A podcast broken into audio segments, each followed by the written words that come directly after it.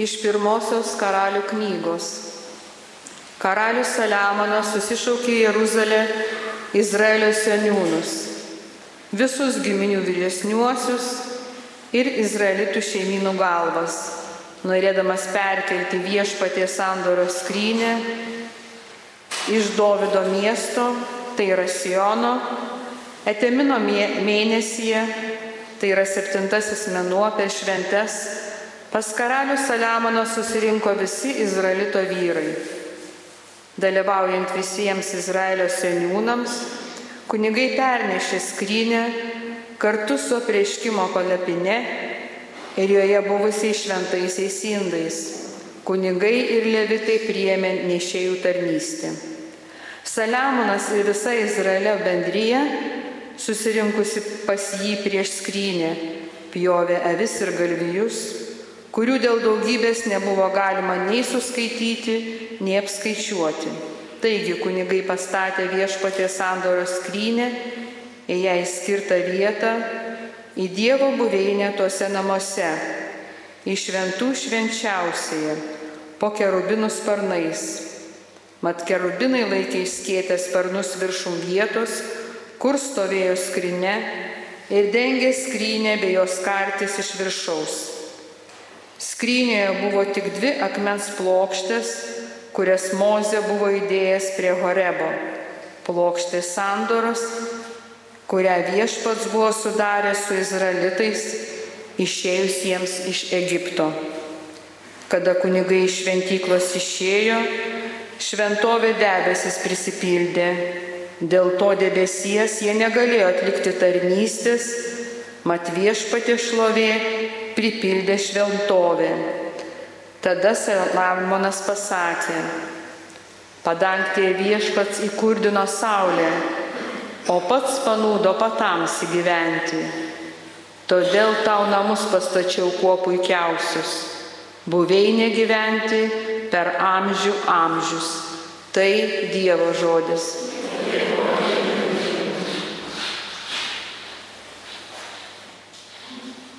Viešpatie pakilk į savo poilsio būstą. Viešpatie pakilk į savo poilsio būstą. Štai išgirdom ją ant Efratoj, Jaro laukuos mes ją radom. Eikime ten, kur jis apsistojęs, pulkime kniupsti prie jo papėdės. Viešpatie pakilk į savo poilsio būstą. Viešpatie pakilk į savo poilsio būstą. Tu viešpatie ir tavo galingoji arka. Tegu kunigai iškilniai pasipuošia, tegu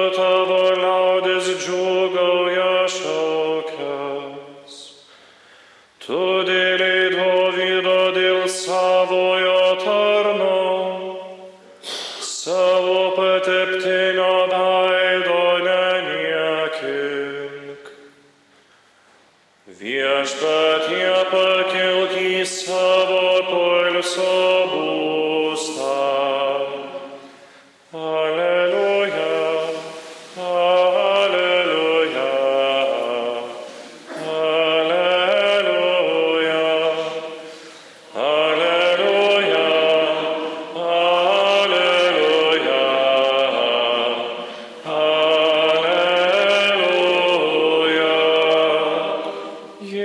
Skelbė karalystės evangeliją ir gydė žmonėse visokias ligas.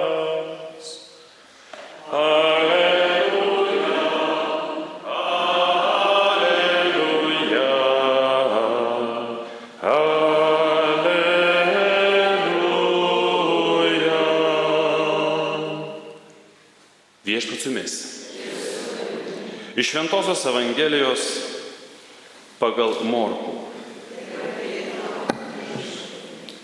Persirė per ežerą, Jėzus su mokiniais pasakė Genezaretą ir čia lipo į krantą. Jiems išlipus iš valties žmonės to jau pažino Jėzų, paskelbė visai apylinkiai ir pradėjo gabenti neštuvais ligonius ten, kur girdėjo jį esant. Ir kur Jėzus užeidavo į kaimus, miestus ar vienkiemius, jie aikštėse gulydavo ligonius ir maldaudavo jį, kad leistų jiems palitėti bent savo drabužio apvadą. Ir kas tik jį paliesdavo, išgydavo. Tai viešpatė žodis. Kas prasminga, kas neprasminga mūsų gyvenime.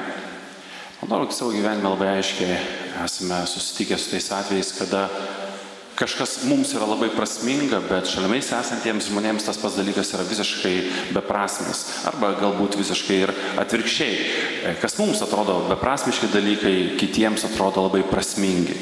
Pavyzdžiui, šios dienos pirmajame skaitinyje mes girdime apie šventyklą, apie jos, reiškia, pašventinimą, apie nesuskaičiuojamas, reiškia, aukas, kurios yra atliekamos, gyvulius, kurie yra paukojami. Ir yra žmonių, kurie tai girdėdami galvoja arba sako, nu, nu kokia prasme, tai yra toks maisto švaistimas toks, reiškia, turto švaistimas. Lygiai, lygiai taip pat į dabartinius laikus žiūrint irgi, e, nežinau, žiūri į, į, į tai, kas daroma ir sako, kokia prasme. Nors, pavyzdžiui, na, naudojasi tų pasie, dalykų pasiekmėm, pavyzdžiui, ne, kiek žmonių sako, na, kam reikia gražių bažnyčių. Taigi, nu, tiesiog yra patalpa, kurioje galima rinktis ir melstis. Galima. Savai aišku. Ir ypatingai, kada yra įsteigiama nauja parapija. Dažniausiai taip ir būna. Glaudžiamas įvairiose vietose būna. Ir salėse glaudžiamas, ir, ir, ir klasėse glaudžiamas, ir gal netgi atskiruose namuose. Tai netrukdo e, melstis. Bet tie patys žmonės dažnai keliauja po pasaulį ir užeina į bažnyčias, į, į šventyklas, į, ir gėrisi, kaip viskas gražiai sukurta, kaip yra nu, meno kūriniais, kurie buvo, buvo nutapyti kažkada e, tos pačios bažnyčios globojami arba muzikos kūriniai, kurie buvo parašyti e, remiant tai pačiai, tai pačiai bažnyčiai, tai pačiai bažnyčiai. Nėra nuseklus žmonės. Kodėl? Todėl, kad nesupranta vardan ko tai yra. Tiek tos aukos, tiek visi išpošimai, tiek visi grožiai, kurie, kurie yra daromi, jeigu nėra santykio su Dievu, jie tampa visiškai beprasmiškai. Nes jeigu žiūrint visiškai e, logiškų mąstymų, visi žino, kad ne visko, ko prašote maldose, būna išpildyta taip, kaip jūs norite. Ne visko, ko prašote, gaunate. Ne visi, kurie prašė būti išgelbėti, buvo išgelbėti. Tai tada logiškai mąstant, grinai per žmogišką prizmę, mainai tokie, kokie yra daromi na, su tuo kažkuo, yra nenaudingi. Nes žmogui atrodo, kad jisai natūraliai atiduoda žymiai daugiau negu, negu gauna ir ypatingai, žinot, atiduodu ir tada gal gausiu, o gal negausiu. Na jau kai visai galbūt žmogus yra įspėstas į kampą, jau ten, iš kurio tikrai niekaip kitaip, nu tai tada žmogus jau pasidžiais, aišku, viską atiduot, kad tik bet kaip kas nors padėtų. Bet šiaip gyvenime tada neapsimoka, nes tai neveikia. Na, taip sako tie, kurie neturi santykio. O santykis tai yra meilės pirmiausia santykis. Nes kai mylime, tam tiems, kuriuos mylime, sutikite, mes norime atiduoti tai, kas yra geriausia. Ir kuo labiau norime, ir kuo labiau mylime, tuo labiau norime atiduoti. Tuo labiau norime, kad iš mūsų priimtų. Pavyzdžiui, jeigu, nežinau, yra šventė ir jūs, pavyzdžiui, stovite to vietoj, kur dalinate tortą, pavyzdžiui, ne, ir, ir ateina žmogus, kurį jūs labai mylite, ir, ir kitas žmogus dalina tortą. Tai manau labai norėsite, kad jūs atpjautumėte jam torto gabalėlį. Nesvarbu, tas tortas toks pat kaip ir iš kito žmogaus, bet norėsite, kad iš jūsų paimtų, kad suprastų, kad tai būtų meilės ženklas. Todėl, kad myli ir per tai įgauna visą prasme. Esate girdėję tą istoriją apie vieną lietuvių kunigą, kuris karo škai, pabaigoje e, paliko Lietuvą, nuvyko į Šveicariją ir buvo nusistas į, vieną kaimelį, kur gyveno paprasti Šveicarijos ūkininkai. Mes galvojame apie Šveicariją, kai galvojame, tai visą laiką galvojame apie ką? Apie bankus, apie ten laikrodžius, kokius ten, nežinau, apie ką, kas dar ten, e, peilius ten, mano Šveicarija, nu, bet tokie iš karto visi turtingi, visi galingi ir visi gerai gyvena. Aišku, kad ten yra tokių, bet po karo sunku buvo bet kokia, bet kokia atveju visiems. Ir tą kunigą paskyrė tenai tą parapijėlę, bažnytėlę, iš, iš išorės tokia paprasta, atrodo, medinė, o įeini ten jau nemaža dalis bažnyčios yra jau auksais padengta, išauksuota, reiškia, nu tikrų auksų, ne, ne dažais, tikrų auksų. Ir dar prieš tai buvęs kunigas, reiškia, tenai buvo pradėjęs toliau daryti, reiškia, rinkliavą, kad, nu, likusią dalį padengti, tu, ne, nežinau, ko ten, reiškia, auksais. Nu ir žmonės, reiškia, atneša aukas. Ir kunigas po kurio laiko, kai atnešė, nežinau, matyti, pakankam vargingai atrodyti žmogus nemažą auką, sako, klausykite. Nu, sako, nu, ar Dievui to reikia, manote? Tas, pažiūrėkite, kaip jūs gyvenate. Jūs tasme vos galą su galu sudurėte ir iš to vos sudurėte, dar sugalėsite tai, kad atneštumėt, čia pauksuotumėte. Nusakau, nu taigi Dievui to nereikia. Ir, ir, ir jūsų malda nuo to netampa nei geresnė, nei, nei svarbesnė, nei ten, nežinau, Dievui brangesnė. Ir tas žmogus sako, žinot, tevelė, sako, šešias dienas per savaitę aš žiūriu karvį į užpakalį. Aš bent vieną dieną savaitėje noriu žiūrėti dangų. Į tai, kas mane pakeltų. Į tai, kas mane vat, kažkaip atrodo priartintų prie, prie to nuostabaus gyvenimo su viešpačiu, kuris laukiam žinybėje. Ir supranti, kiek svarbus yra tas gyvenimas su, su viešpačiu tam žmogui yra. Šiandien sakau, aš įėjęs truputėlį, nu taip sekundį truputėlį sutrikau, pamatęs kiekį žmonių, pagalvos, kad kažką matyt supainiojau. Ir iš karto galvoju, kuri savaitės diena. Nu, žinau, visko gali būti per, per darbus bėgiai, kad kartais nebesupranti, kad tos... Pa... Ah, agota. Tvarkoju. Supratau.